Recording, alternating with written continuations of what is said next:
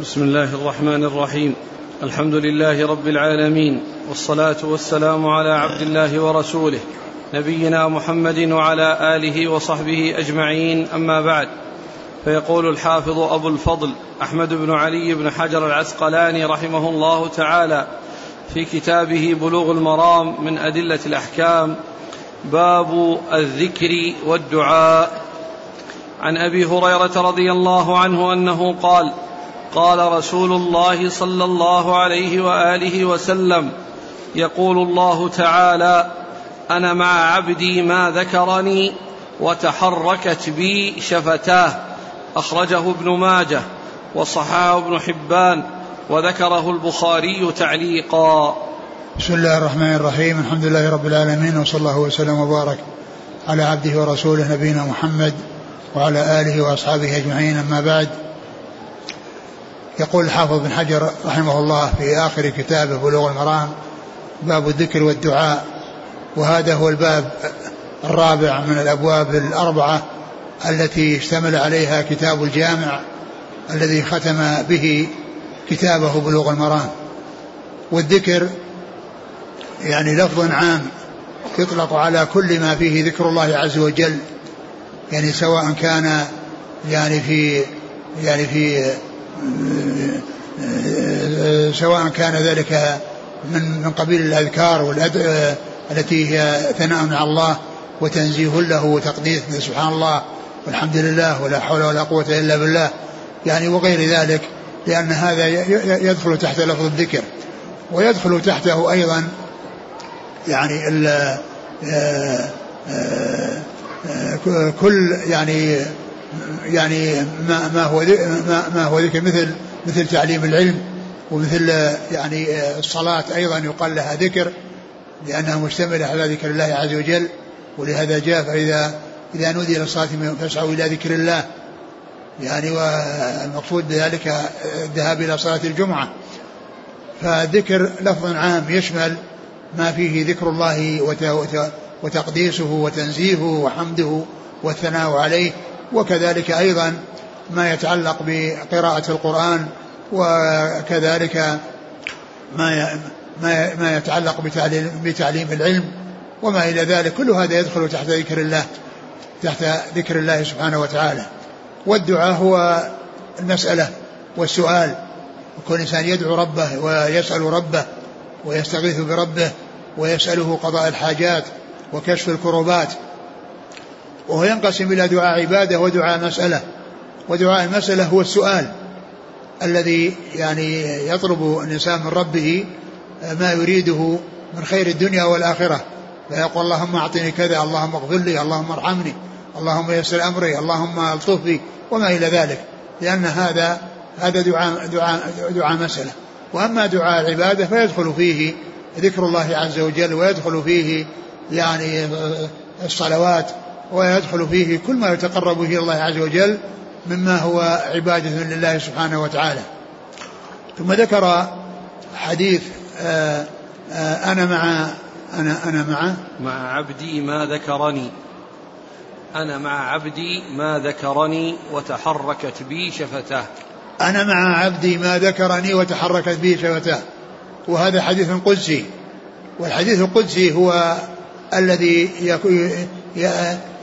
يأتي عن رسول الله صلى الله عليه وسلم مضيفا إياه إلى ربه وذلك وهو مشتمل على ضمائر ترجع إلى الله عز وجل. ولا يكون يعني من كلام الرسول صلى الله عليه وسلم لأنه كلام من الله لأن فيه ضمائر ترجع إلى الله. فقوله أنا مع عبدي هذا الضمير يرجع إلى الله. يعني أنا مع عبدي ما ذكرني نعم. ما ذكرني وتحركت بي شفتاه. أنا مع عبدي فقوله أنا مع عبدي يعني هذا لفظ أنا يدل على أنه حديث قدسي وأنه كلام الله عز وجل وأن المتكلم به هو الله عز وجل. وهل الحديث القدسي يعني آه لفظه ومعناه من الله عز وجل؟ آه القرآن يعني كما هو معلوم يعني آه متواتر وألفاظه ومعانيه من الله عز وجل. وأما الحديث القدسي فإنها تدخله الرواية بالمعنى ولهذا يأتي بعض الأحاديث القدسية وفيها ألفاظ مختلفة وهذا يدل على أن الرواية دخلت في المعنى ولهذا لا يجزم بأن كل حديث قدسي يعني آآ آآ أنه مضاف لفظه إلى الله عز وجل. المعنى لا شك أنه من الله. وأما اللفظ فإن الرواية تدخل في المعنى ومعلوم أن ما دخلت في الرواية في المعنى لا يقال أن هذا كله من الله لأن لأن تعدد الألفاظ وتعدد الروايات ومجيء الحديث على صيغ مختلفة بألفاظ مختلفة يدل على على أنه دخلته الرواية. و ولكنه لا يقال إنه يعني من, من كلام الرسول صلى الله عليه وسلم لأن هذا كلام الله. والضمائر ترجع إلى الله. وأما الأحاديث الأخرى التي هي غير قدسيه فهي التي يقولها الرسول صلى الله عليه وسلم وهي أيضا وحي من الله لأن السنة وحي من الله كلها سواء ما كان منها حديث قدسي أو غيره كل ذلك من الله. قال الله عز وجل وما ينطق عن الهوى إن هو إلا وحي يوحى. قوله مع عبدي هذه المعية معية خاصة لأن هناك معية عامة ومعيه خاصة. المعية الخاصة هي معية الله لعباده ولأوليائه ويعني وهي وهي تختص ببعض أوليائه ومن أضيفت إليهم. وأما المعية العامة فهي التي تكون لجميع المخلوقات. ما يكون النجوى ثلاثة إلا هو رابعهم. فهناك معية عامة لجميع المخلوقات. ومعية خاصة لبعض أولياء الله الذين يضاف إليهم. إنني إن الله معنا لا إن الله معنا. إن الله معنا فإن هذه معية خاصة. يعني و فهي تكون لأوليائه سبحانه وتعالى وهي يعني آه، تختص بهم. وأما المعية العامة فهي تكون لجميع المخلوقات فتكون لجميع المخلوقات والله عز وجل مع خلقه وهو فوق عرشه سبحانه وتعالى. وقوله ما أنا مع عبدي ما ذكرني وتحركت بي شفتاه وتحركت بي؟ نعم. بي يعني شفتاه يعني بذكري تحركت بي شفتاه. يعني معناه أنه أن الذكر يعني لا يكون بالقلب فقط وإنما يكون باللسان. والذكر يكون في القلب ويكون باللسان. فذكر القلب يعني يكون الانسان يستشعر ويعني يتأمل ويفكر ويعني يأتي في ذكر تعظيم الله و وتسبيحه وتهليله وتنزيهه عن النقائص ووصفه بجميع الكمالات التي تليق به بكماله سبحانه وتعالى. ف يعني وأما الذكر في اللسان فهو يعني ذكر الله كأن الإنسان يقرأ القرآن وياتي بالعلم النافع والمعروف والنهي عن المنكر كل هذا من ذكر الله. وقوله تحركت به شفتاه هذا يدل على أن الذكر باللسان لا بد فيه من الذكر باللسان لا بد فيه من تحرك الشفتين أن يكون على اللسان والشفتين وأنه لا يكون الذكر يعني باللسان بدون تحريك الشفتين.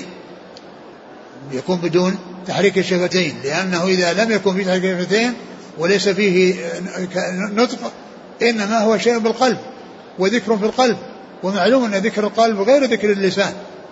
فذكر اللسان استحضار عظمة الله وجلال الله وتنزيه الله عن كل نقص و يعني وصفه بكل كمال. وأما باللسان فيعني تتحرك الشفتان ويتحرك اللسان. ولهذا يعني لا يقال إن الذكر يعني الذي يأتي على اللسان يكون بدون تحريك الشفتين لأن هذا ليس ليس ذكرا باللسان وإنما إذا لم يكن هناك لسان وشفتين يعني معنى ذلك أنه في القلب فقط. والله عز وجل يعني يذكر في القلب ويذكر باللسان ولكن الذكر باللسان لا بد من تحريك الشفتين وكذلك قراءة القرآن. ما تكون قراءة القرآن بكون الإنسان ما يحرك شفتيه وإنما يحرك شفتيه بقراءة القرآن. فليس هناك قراءة القرآن بدون تحريك الشفتين ولهذا الصحابة رضي الله عنهم وأرضاهم كانوا يعرفون قراءة الرسول صلى الله عليه وسلم بالسرية بكونه يحرك بكونه يحرك شفتيه وتضطرب لحيته عليه الصلاة والسلام. فثبت عن يعني عن الصحابة رضي الله عنهم وأرضاهم أنهم كانوا يعرفون قراءة رسول الله في السرية باضطراب لحيته لأنهم كانوا يصلون وراءه ويعني لحيته عوارضه على اليمين والشمال. يعني فإذا كان يعني يقرأ فيعرفونها باضطراب اللحية وتحركها وهذا بتحريك الشفتين. فإذا قراءة القرآن والذكر اللي هو والدعاء الذي يكون على اللسان لا بد فيه من تحريك الشفتين. لا بد وقراءة القرآن لا بد فيها من تحريك الشفتين. وإلا فإن الإنسان لا يقال قارئا. الإنسان يطبق شفتيه. يطبق شفتيه ولا يحرك لسانه. ما يقال وإنما هذا استحضار للقرآن. كل القرآن يستحضر الإنسان بقلبه ولا يحرك لسانه وشفتيه نعم. لكن هذا ليس قراءة القرآن. قراءة القرآن لابد فيه من هذا. ولهذا كان الصحابة رضي الله عنهم وأرضاهم يعرفون قراءته في الظهر والعصر باضطراب لحيته صلى الله عليه وسلم من الجوانب من اليمين والشمال. وهذا فيه الدلالة على أنه كان كث اللحية عليه الصلاة والسلام وأن لحيته تكون يعني في في الذقن وفي, وفي العارضين لأنهم كانوا يعرفون ذلك باضطراب لحيته حيث يكونون وراءه وينظرون إليه فيعرفون من ذلك قراءته صلى الله عليه وسلم وهو في صلاته السرية. نعم. وعن معاذ بن جبل رضي الله عنه أنه قال قال رسول الله صلى الله عليه وآله وسلم ما عمل ابن آدم عملا أنجى له من عذاب الله من ذكر الله. أخرجه ابن أبي شيبة والطبراني بإسناد حسن. ثم ذكر هذا الحديث أن ذكر الله عز وجل هو أنجى ما يكون من عذاب الله عز وجل. قال قال ما عمل ابن آدم عملا أنجى له من عذاب الله من ذكر الله. ما عمل ابن آدم عملا له أنجى له يعني من عذاب الله من ذكر الله. يعني أن النجاة من العذاب تكون بذكر الله. ومعلوم أن ذكر الله عز وجل يعني يكون يعني على القلب ويكون على اللسان كما عرفنا. ويكون أيضا يعني بالعبادات التي يتعبد الإنسان بها ربه كالصلاة فإن هذا من ذكر الله. فيعني أرجى أو أنجى شيء يكون للإنسان من عذاب الله ويكون سببا لسلامته من عذاب الله ذكر الله عز وجل الذي يشمل يعني ذكر الله ومسألته ودعائه والصلاة وقراءة القرآن وتعليم العلم وغير ذلك. نعم.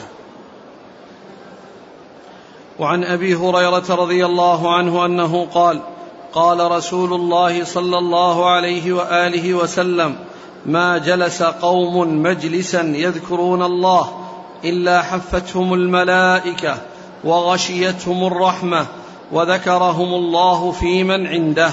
أخرجه مسلم. ثم ذكر هذا الحديث ما اجتمع قوم ما اجتمع؟ قوم مجلسا. ما جلس قوم مجلسا. ما جلس قوم مجلسا يذكرون يذكرون الله. إلا حفتهم يذكرون الله إلا حفتهم الملائكة وغشيتهم الرحمة وذكرهم الله في من عنده. يعني الذين يعني يجلسون مجالس العلم ومجالس الذكر ومجالس الخير فإنها تحضرها الملائكة. بخلاف مجالس الخنا تحضرها الشياطين. مجالس الخنا والفجور تحضرها الشياطين. ومجالس الخير ومجالس الذكر تحضرها الملائكة. تحضرها الملائكة. فال من جلس مجلسا يذكرون, يذكرون الله فيه إلا حفتهم الملائكة. يعني معناها أنها نزلت الملائكة وحاطت بهم واجتمع جلست معهم يستمعون الذكر. ومعلوم أن الملائكة إنما يحضرون لما فيه الخير. فالذين حضروا لذكر الله ولشيء يتعلق بذكر الله. يعني جلساءهم الملائكة. جلساءهم في مجالسهم تلك الملائكة. وغشيتهم الرحمة. وغشيتهم نعم. وغشيتهم الرحمة. يعني معناه حصلت لهم وأحاطت بهم. وأنهم يعني ينالون رحمة الله عز وجل. وهذه الرحمة هي المخلوقة. ومعلوم أن الرحمة رحمتان. رحمة هي صفة قائمة بالله ورحمة هي مخلوق من مخلوقات الله. رحمة هي مخلوق من مخلوقات الله فالرحمة التي هي صفة من صفاته القائمة به. كونه متصف بالرحمة والرحمة قائمة بذاته وهي صفة من صفاته. لكن من الرحمة ما هي من جملة مخلوقاته. مثل هذه التي تغشاهم الرحمة ومثل الجنة فإنها الرحمة كما جاء في الحديث القدسي قال الله عز وجل إنك الجنة رحمتي أرحم بك من أشاء وإنك النار عذابي أعذب بك من أشاء ولكليكما علي ملؤها. فقال الجنة أنت رحمتي فهي رحمة مخلوقة. وكذلك آه، المئة الرحمة التي خلقها الله عز وجل وأنزل منها رحمة واحدة فكان فيها التراحم بين الخلق وحتى أن الوحوش تعطف على أولادها. ويعني تحسن إلى أولادها هذا من هذه الرحمة المخلوقة. فإذا جاء يوم القيامة يعني جاءت هذه الرحمة ومعها تسع وتسعون رحمة التي خلقها الله عز وجل فيرحم الله تعالى بها يعني عباده يعني يوم القيامة. وذكرهم الله في من عنده يعني ذكره ذكرهم عند الملائكة. ذكرهم الله عند الملائكة يعني أثنى عليهم يثني عليهم. ويرفع من شأنهم وذلك بالثناء عليهم وذكرهم عند الملائكة. ف يعني فملائكة تحضر وملائكة يعني يعني آه، يذكرون عندهم. ويثنى يعني على هؤلاء الذين في مجلس العلم يثنى عليهم عند الملائكة. يعني ففي ملائكة تحوط بهم وتحضر مجالسهم وفيه ملائكة عند الله عز وجل يعني يشيد بهؤلاء أهل, أهل الذكر ويذكرهم عند الملأ من الملائكة الذين هم عند الله سبحانه وتعالى. نعم.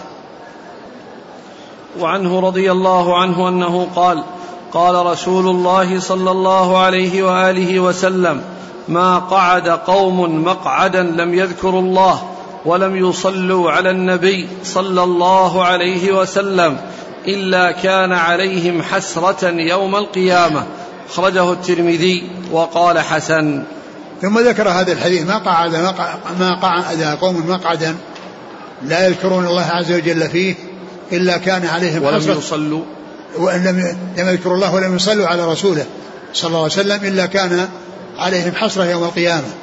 وفي بعض الروايات ترى والترى هي المقصود بها الحسرة والنقص والخلل الذي يكون لهم ولكنهم يعني يعني يكون يعني يكون حسرة يوم القيامة يعني جزاؤهم يعني على المجلس الذي يخلو من ذكر الله ومن الصلاة والسلام على رسول الله صلوات الله وسلامه وبركاته عليه.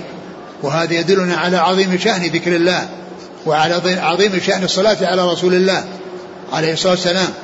وأن من أسباب قبول الدعاء أن يسبقه حمد الله والصلاة على رسول الله صلى الله عليه وسلم كما جاء في بعض الأحاديث الذي يعني قال عنه الرسول صلى الله عليه وسلم يعني رجل يعني سأل الله عز وجل ولم يكن حمد الله وأثنى عليه ولم يكن صلى على رسول صلى الله عليه وسلم فقال عليه الصلاة والسلام عجل هذا. ثم إن صلاة الجنازة وهي شفاعة للميت ودعاء له شرع فيها قبل الدعاء الثناء على الله عز وجل والصلاة على رسوله صلى الله عليه وسلم. فإنه بعد التكبيرة الأولى تقرأ الفاتحة ويقرأ معها يعني شيء من القرآن. وفي الركعة التكبيرة الثانية يصلى على الرسول صلى الله عليه وسلم. وبعد الثالثة الدعاء. فيكون يعني هذا الذي أرشد إليه الرسول صلى الله عليه وسلم من أن الدعاء يعني يسبقه حمد الله والصلاة على رسول الله جاء ذلك في صلاة الجنازة وذلك لأن الميت أحوج ما يكون إلى أن يدعى له لأن هذا آخر يعني آخر يعني حالة له في الدار الدنيا وسينتقل منها إلى الدار الآخرة فهو أحوج ما يكون إلى الدعاء له والدعاء آه الذي من, من, من أسباب قبوله أو يعني يعني يكون له أسباب قبول أن أن يسبق بالحمد لله والصلاة على رسول الله صلوات الله وسلامه وبركاته عليه. نعم. وعن أبي أيوب رضي الله عنه أنه قال قال رسول الله صلى الله عليه وآله وسلم من قال لا إله إلا الله وحده لا شريك له عشر مرات كان كمن أعتق أربعة أنفس من ولد إسماعيل. متفق عليه. ثم ذكر هذا الحديث من قال لا إله إلا الله من قال أشهد أن لا إله إلا الله. من قال من قال لا إله إلا الله لا إله وحده, وحده لا شريك له. وختامه لا إله وحده لا شريك له. عشر مرات كان نعم عشر لا وختامه له الملك وله الحمد وهو على كل شيء قدير. كما جاء في في صحيح مسلم لا إله إلا الله وحده لا شريك له له الملك وله الحمد وهو على كل شيء قدير. كمن اعتق أربع أنفس من ولد إسماعيل. ومعلوم أن العتق يعني من أفضل القربات ومن أفضل الطاعات. ويعني هذا يعني طاعة يعني سهلة على اللسان وكلام يسير ومن أسهل الكلام. كل إنسان يقول لا إله إلا الله وحده لا شريك له له الملك وله الحمد وهو على كل شيء قدير. هذا كلام سهل ولكن أجره عظيم عند الله وثوابه جزيل عند الله. ويكون الذي قال ذلك كمن أعتق أربع أنفس من ولد إسماعيل. نعم. تقييد بولد إسماعيل. يعني يدل على يعني فضلهم وعلى يعني يعني عظم شأنهم وأن يعني آه، لهم ميزة. نعم. أنهم عرب. وهم عرب نعم لأن العرب هم ولد إسماعيل. ففيه يعني عتق العربي أفضل؟ نعم. هل يؤخذ منه أن عتق العربي أفضل؟ يعني عتق من يكون فيه نفع للإسلام أفضل من غيره.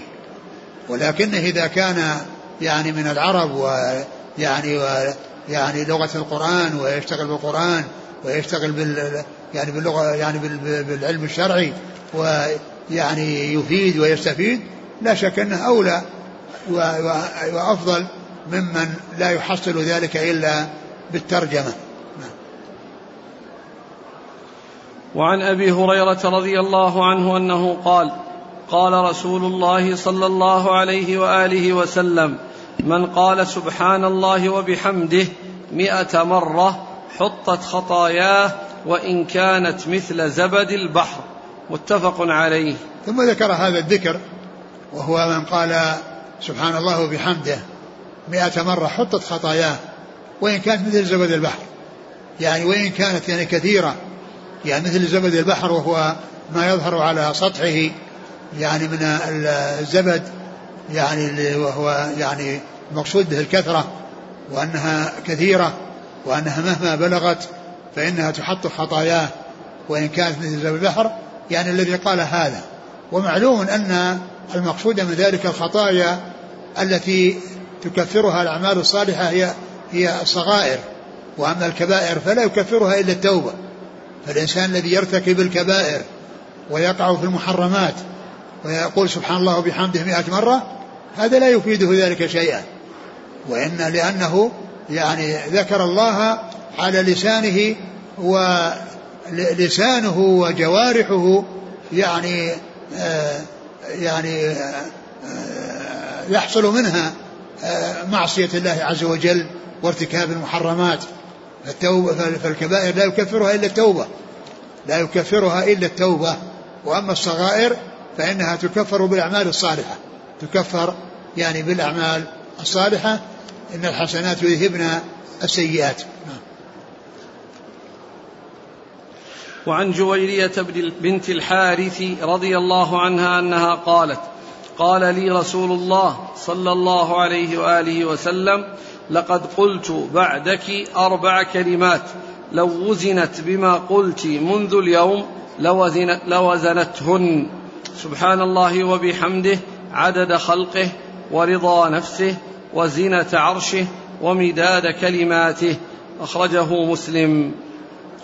ثم ذكر هذا الحديث عن جويرية بنت الحارث الهلالية زوج الرسول صلى الله عليه وسلم.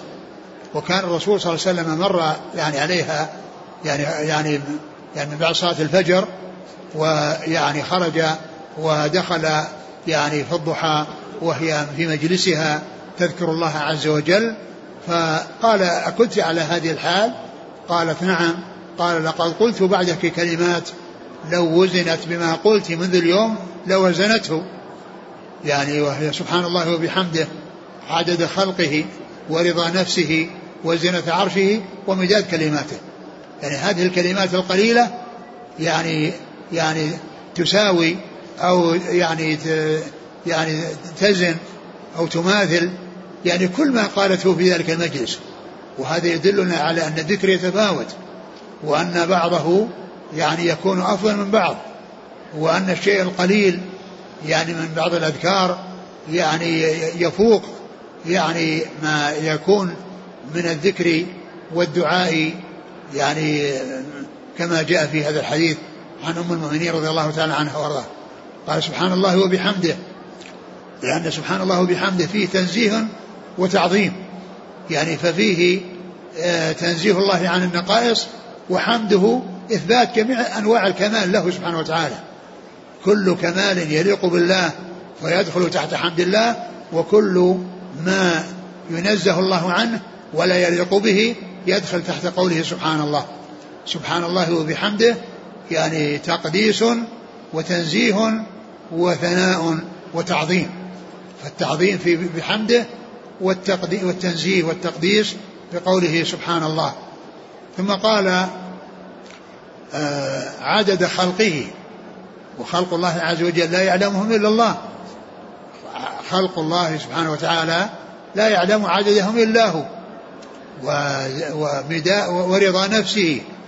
يعني كونه يرضى عن, عن يعني عم عما يرضى عنه. يعني من من من من الذوات ومن الأعمال ومن الأقوال وغير ذلك. كل ما يعني يكون به رضا الله ويحصل به رضا الله ومن يعني يكون رضي عنهم كل هذه الأعداد وهذه الأشياء التي تدخل تحت رضا نفسه والمقصود بالنفس الذات يعني رضا نفسه يعني رضاه هو.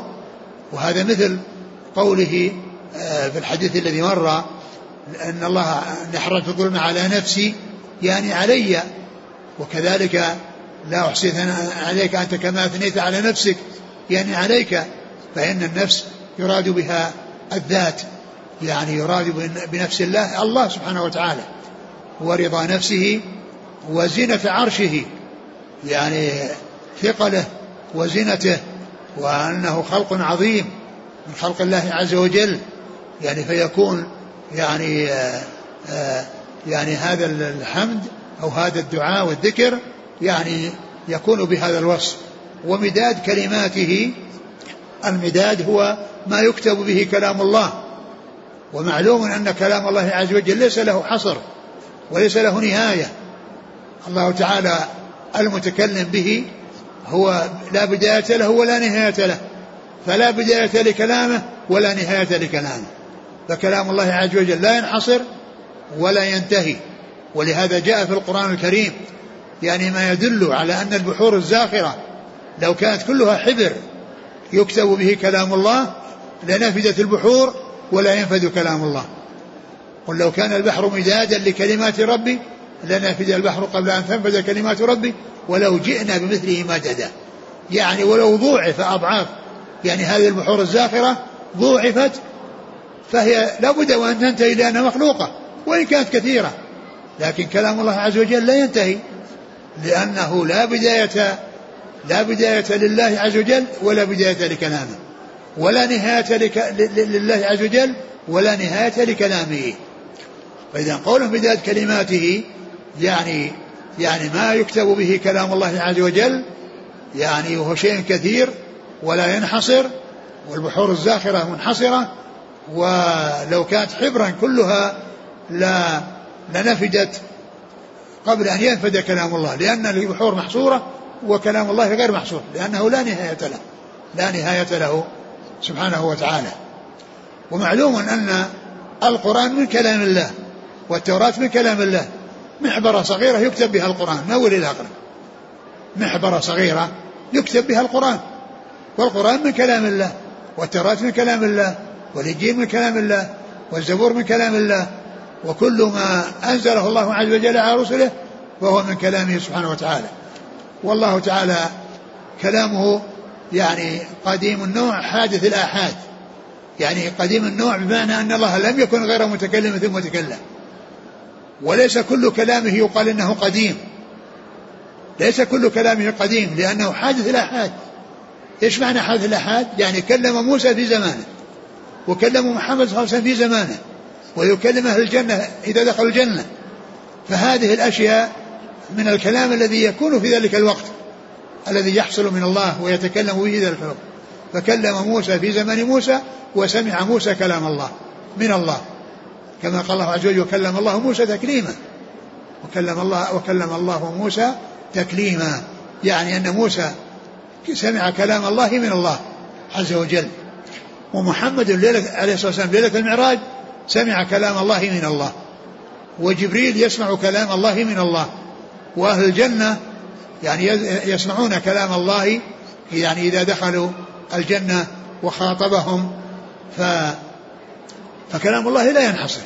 ولهذا قال هو مداد كلماته ومعلوم أن المداد لا لا كلام الله لا ينحصر فلا يكون له مداد يعني يستوعبه وإنما يعني آه، البحور الزاخرة تستوعب شيئا من كلام الله وليس كل كلام الله سبحانه وتعالى.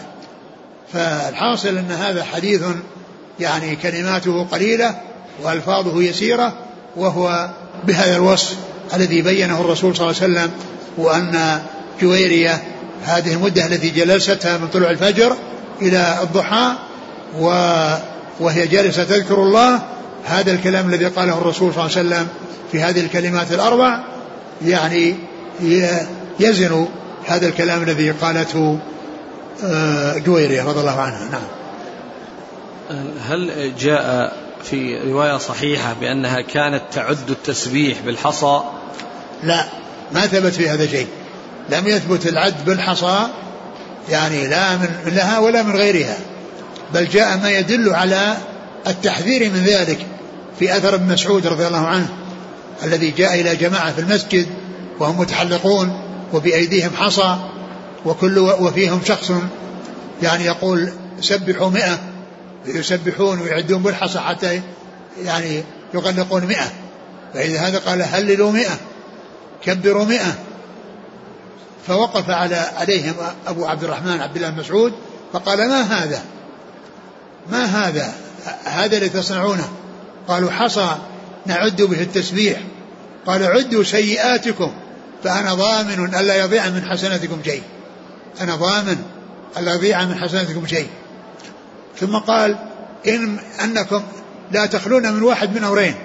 إنكم إما أنكم أحسن من الصحابة أو أنكم مفتتحوا باب ضلالة إما أن تكونوا خيرا من الصحابة الصحابة ما فعلوا هذا. أو أنكم مفتتحوا باب ضلالة. ومعلوم أنهم لا يمكن يكونوا خيرا من الصحابة إذا بقيت الثانية وهي أنهم مفتتحوا باب ضلالة. قالوا سبحان الله يا أبا عبد الرحمن ما أردنا إلا الخير. قال وكم من مريد للخير لم يصبه.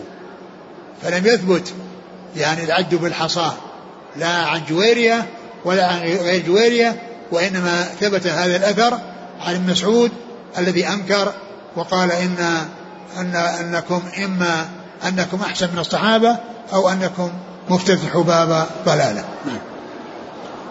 هنا ورد سبحان الله وبحمده فهل يمكن القياس؟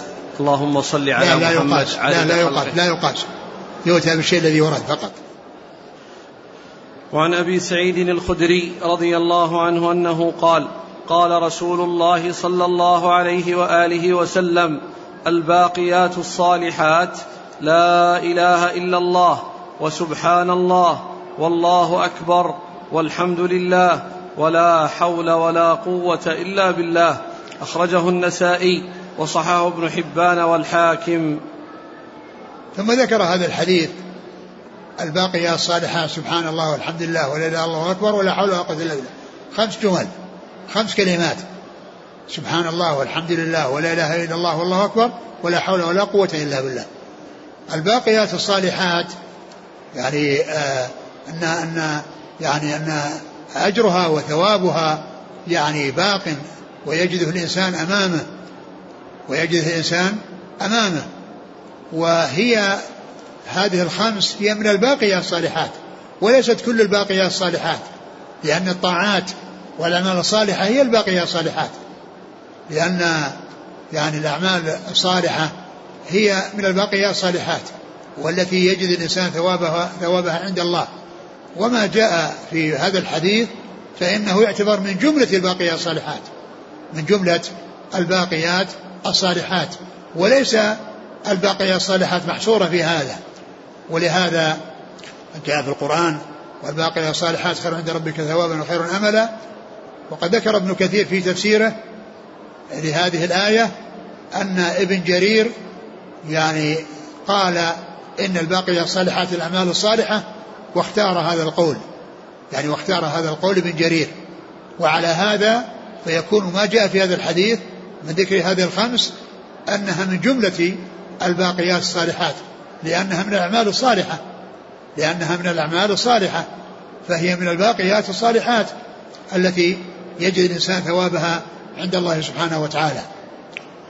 ويعني وهذه الخمس يعني التي جاءت في هذا الحديث جاءت يعني مفرقة أو جاء بيان فضلها مفرقا فجاء في ذكر في لا حول ولا قوة إلا بالله سيأتي الحديث أنها كنز يعني من كنوز الجنة يعني التي لا حول ولا قوة إلا بالله. والأربع الأخرى جاء فيها يعني أربع آه أربع آه آه أحب الكلام إلى أحب الكلام إلى الله أربع.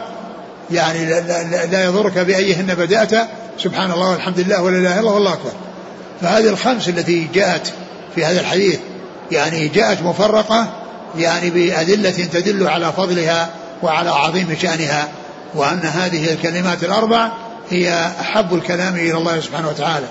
لأنها تنزيه وثناء وتعظيم وتمجيد لله سبحانه وتعالى.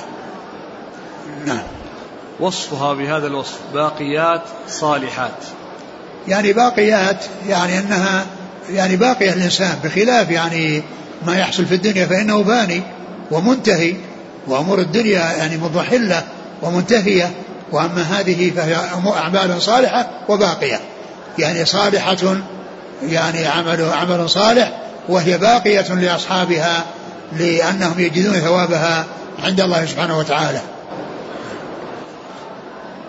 بعضهم يقول يعني أنها لا تدخل في المقاصة ليست من الأعمال التي تدخل في المقاصة بين العبد وغيره فهي باقية لا معلوم معلوم أن هناك شيء يعني فيه فيه مقاصة وشيء ليس في مقاصة. يعني وشيء في مقاصة ليس في مقاصة كثير مو بس هذه. قراءة القرآن هذه ما فيها مقاصة. هذه كلها أعمال صالحة. وكذلك يعني غيرها من الذكر هي أيضا كذلك.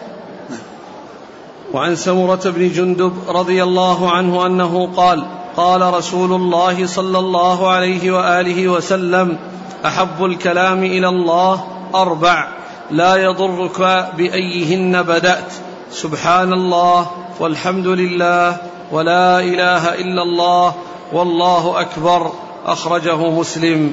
وهذا يدل يعني كما ذكرنا يدل على فضل هذه الكلمات الأربع وأنها حب الكلام إلى الله ومعلوم أن المحبة الله كما عرفنا تتفاوت كما أن بغضه يتفاوت. يعني فمر بنا أبغض رجال الله الآلد الخصم. يعني فالمبغضون يتفاوتون في البغض ليسوا على حد سواء. والمحبوبون والأشياء المحبوبة متفاوتة ليست على حد سواء. فمنها ما يكون أحب من غيره يعني ومنها ما يكون ومنها ما يكون يعني أبغض يعني من غيره كما جاءت بذلك الأحاديث عن رسول الله. وفيه صفة المحبة وإضافتها إلى الله عز وجل وأنها تتفاوت وأن المحبوبين يعني في المحبة ليسوا على حد سواء والمبغضين ليسوا في البغض على حد سواء. وقوله لا يضرك بأيهن بدأت يعني لا يلزم هذا الترتيب. بل لو قال الله أكبر والحمد لله وسبحان الله يعني يدخل تحت هذه هذا الكلام الذي قاله الرسول صلى الله عليه وسلم. لكن الإنسان إذا أتى بها وفقا لهذا الترتيب الذي رتبه الرسول صلى الله عليه وسلم فإنه يكون طيب. يعني الرسول نطق بها على هذا الترتيب فلو أتى بها على الترتيب يكون طيبا لكنه ليس متعينا. يمكن يعني أنه لو أتى بها مقدما ومؤخرا بعضها على بعض لا بأس بذلك. سبحان الله والحمد لله. ولا إله إلا الله والله أكبر. فإن في ذلك التعظيم والتنزيه والتوحيد وإخلاص العبادة لله عز وجل فإن سبحان الله فيها تنزيه والحمد لله فيها تعظيم وتمجيد وتعظيم تمجيد ولا إله إلا الله فيها توحيد والله أكبر. أيضا تعظيم لله سبحانه وتعالى وأنه أكبر من كل كبير.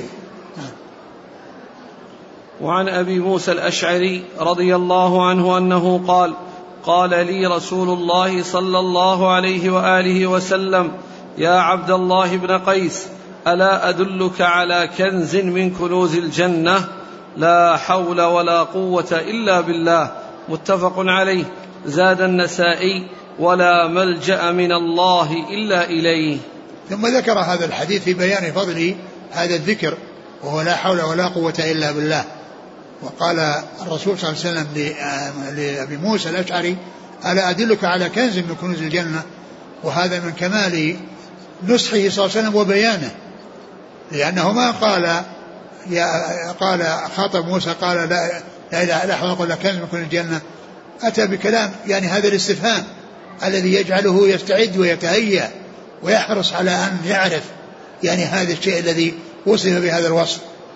فهذا من كمال بيانه. ومن كمال نصحه عليه الصلاة والسلام. من كمال نصحه وكمال بيانه. فهو أنصح الناس للناس وأفصح الناس. أفصحهم لسانا وأكملهم بيانا عليه الصلاة والسلام. ولهذا قال ألا أدلك على كنز من كنوز الجنة؟ لا حول ولا قوة إلا بالله. وزاد النسائي ولا ملجأ من الله إلا إليه. لا ملجأ من الله إلا إليه. يعني لا مفر من الله وإلا إلى الله سبحانه وتعالى. وهو الذي يفزع إليه وهو الذي يلجأ إليه عند عند عند المصائب وعند المهمات يعني يعول على الله عز وجل ويفزع إلى الله عز وجل. نعم. معنى لا حول ولا قوة إلا بالله. لا حول ولا قوة إلا بالله. ليس لأحد يعني حول حيلة ولا قوة على شيء إلا إذا أقدره الله عز وجل عليه وإذا مكنه الله عز وجل منه. لأن الناس يعني بدون عون الله عز وجل وتوفيقه وتسديده ما يحصل لهم يعني ما يريدون من الخير. ولكن الله عز وجل هو الذي يعينهم على فعل الطاعات ويقويهم عليها ويأجرهم عليها. وعن النعمان بن بشير رضي الله عنهما عن النبي صلى الله عليه وآله وسلم أنه قال إن الدعاء هو العبادة. رواه الأربعة وصححه الترمذي. وله من حديث أنس مرفوعا بلفظ الدعاء مخ العبادة. وله من حديث أبي هريرة رفعه ليس شيء أكرم على الله من الدعاء. وصححه ابن حبان والحاكم. ثم ذكر هذا الحديث الدعاء هو العبادة وهذا يدل على عظيم شأن الدعاء. وكون الرسول قال هو العبادة يعني معناه يدل على عظيم شأن الدعاء. العبادة أنواع كثيرة دعاء وغير دعاء. ولكن يعني كون يوصف الدعاء بأنه العبادة يدل على عظيم شأنه مثل الحديث اللي مر بين الدين النصيحة والحج عرفة. فهذا يدل على عظم شأن الوقوف بعرفة في الحج وعلى يعني عظم شأن النصيحة وعلى عظم شأن الدعاء وأنه هو العبادة. ومعلوم أن الدعاء وغير الدعاء كله عبادة لله عز وجل. الدعاء وغير الدعاء كله عبادة لله عز وجل ولكنه وصف الدعاء بأنه هو العبادة لبيان عظيم شأنه وأهميته ولهذا يقول الله عز وجل وأن المساجد لله فلا تدعوا مع الله أحدا. وقال ربكم ادعوني أستجب لكم. الذين يستكبرون عن عبادتي لأنه لما ذكر ادعوني قال عن عبادتي فهو الدعاء هو من العبادة ولكنه يعني له هذه المنزلة وله هذا الوصف الذي جاء عن رسول الله صلى الله عليه وسلم. وأما اللفظ الآخر الذي هو مخ العبادة فإن هذا يعني جاء بإسناد ضعيف لأنه من رواية ابن لهيعة ويعني الذي روى عنه وهو الوليد المسلم ليس من الذين سمعوا منه قبل الاختلاط فإذا لا يكون ثابتا وإنما الثابت هو الأول الذي هو قوله الدعاء هو العبادة. واللفظ الثالث؟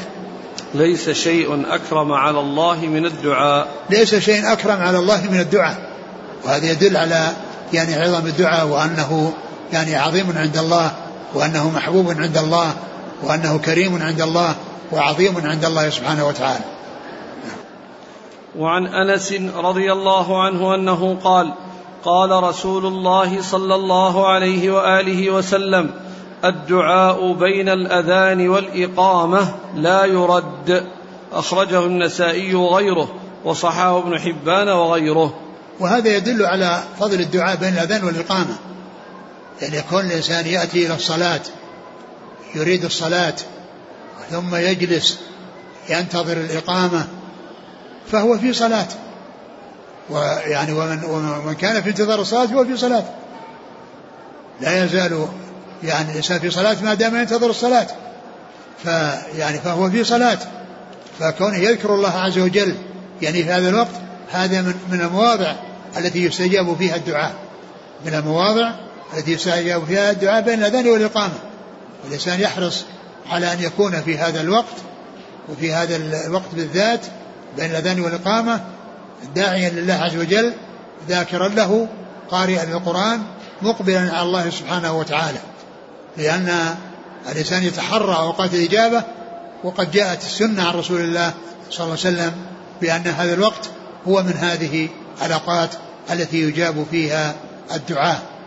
لأنه يعني مقبل على صلاة وجالس في انتظار صلاة وفي نفس الوقت هو في صلاة فكونه يذكر الله ويدعوه ويسأله من خير الدنيا والآخرة فإن الدعاء لا يرد بين الأذان والإقامة. نعم. يعني حتى لو كان الإنسان ليس في المسجد الآن منطلق إلى المسجد بين الأذان والإقامة. وحتى وحتى لو كان لو كان في الطريق لو كان في الطريق يدعو لكن الإنسان عليه أن يبكر.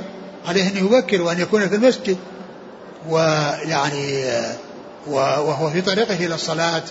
كما هو معلوم لا يخطو خطوة إلا يرفع بها درجة ويحط عنها عنه خطيئة نعم. وعن سلمان رضي الله عنه أنه قال قال رسول الله صلى الله عليه وآله وسلم إن ربكم حيي كريم. يستحي من عبده إذا رفع إليه يديه أن يردهما صفرا. أخرجه الأربعة إلا النسائي وصححه الحاكم. وهذا يدل على رفع اليدين في الدعاء وأن الإنسان يرفع يديه في الدعاء إلا في المواضع التي جاء أنها لا ترفع فيها الأيدي. يعني إذا جاء يعني ما جاء أن الأيدي لا ترفع لا ترفع. وما جاء أنها ترفع ترفع. وما لم يأتي أنها لا ترفع ولا ترفع فللإنسان يرفع وله ألا يرفع. ولكن الذي لا يحصل فيه الرفع هو ما جاء فيه عدم الرفع. وذلك يعني مثل كون الإنسان في الصلاة يعني في الصلاة يعني لا يرفع يديه في الدعاء يعني وهو يدعو. وكذلك أيضا بعد الصلاة يعني لا يرفع يديه لأن الرسول صلى الله عليه وسلم هو إمام هو إمام الناس. إمام المسلمين في جميع الصلوات ولم يؤثر عنه أنه رفع يديه عليه الصلاة والسلام. لم يؤثر عنه أنه رفع يديه. وكذلك في خطبة الجمعة ليس للإنسان يرفع يديه. لا الخطيب ولا الذين يسمعون الخطبة. إلا إذا استسقى في الخطبة فهو يرفع وهم يرفعون. إذا استسقى في الخطبة يشرع فيه رفع الأيدي. لأن ذلك جاء عن رسول الله صلى الله عليه وسلم. وأما في غير الاستسقاء وهو يخطب فلا يرفع يديه لأنه ما جاءت بذلك السنة عن رسول الله عليه الصلاة والسلام. وقد جاء عن بعض الصحابة أنه أنكر على بعض الذين كانوا يخطبون ويرفع يديه وقال إن الرسول صلى الله عليه وسلم لم يزد على أن يحرك إصبعه. يعني ما يذكر الله عز وجل يعني عند ذكر الله عز وجل يأتي ذكر الله تحريك الإصبع. وأما كونه يرفع يديه فهذا لم يؤثر عنه عليه الصلاة والسلام.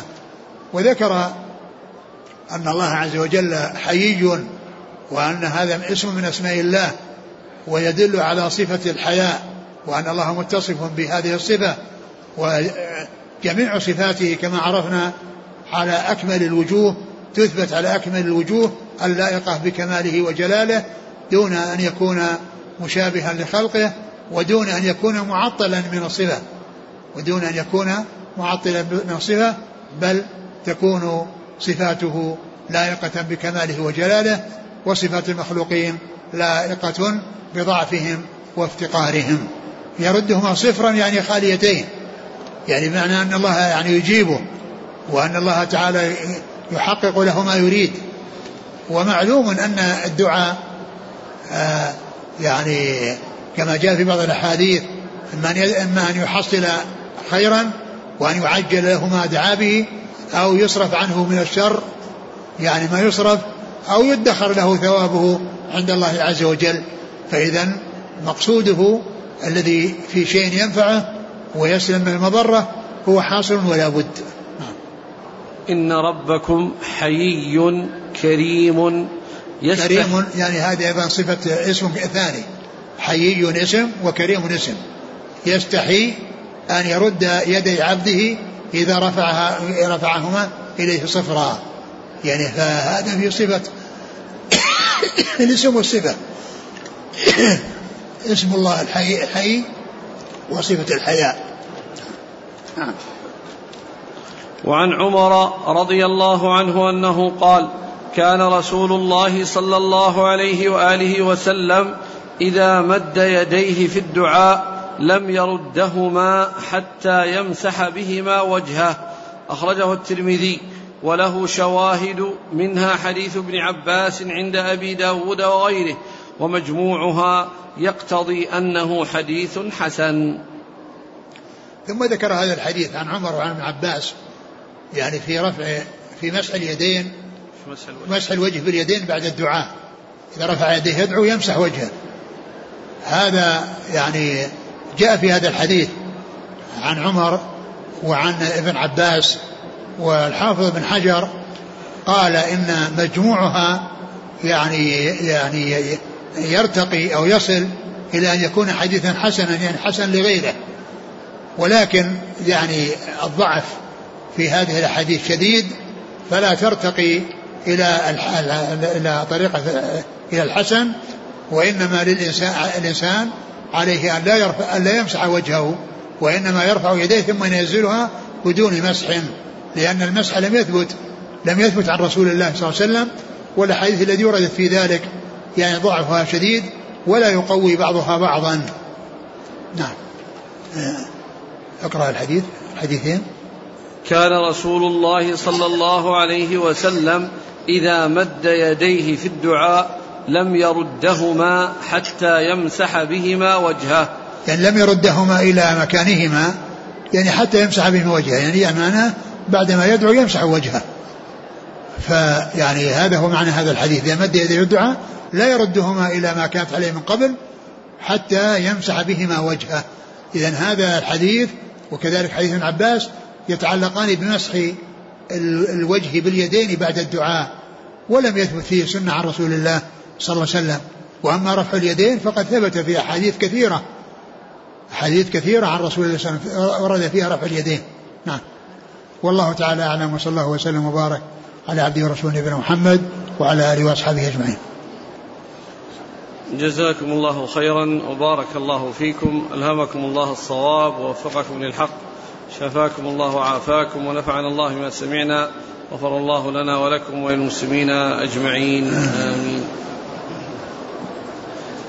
صفة رفع اليدين في الدعاء.